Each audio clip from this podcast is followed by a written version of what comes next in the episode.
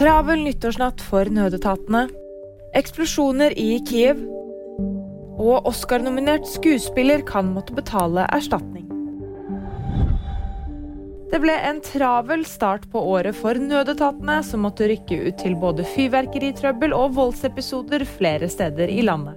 Landet over har det vært meldinger om fyrverkeri som har blitt avfyrt mot både folk, bygninger og politiet.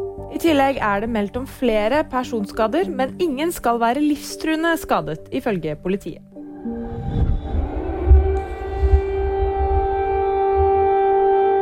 Innbyggere i og rundt Ukrainas hovedstad kunne høre lyden av eksplosjoner på årets første natt.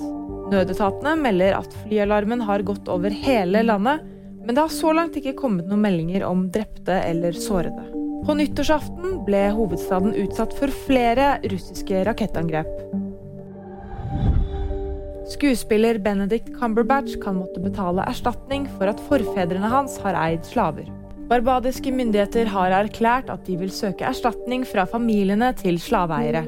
Cumberbatch-familien skal ha tjent svært godt på å eie slaver på Barbados på 1700- og 1800-tallet. Og VG nyheter de fikk du av meg, Fride Rivø Lie.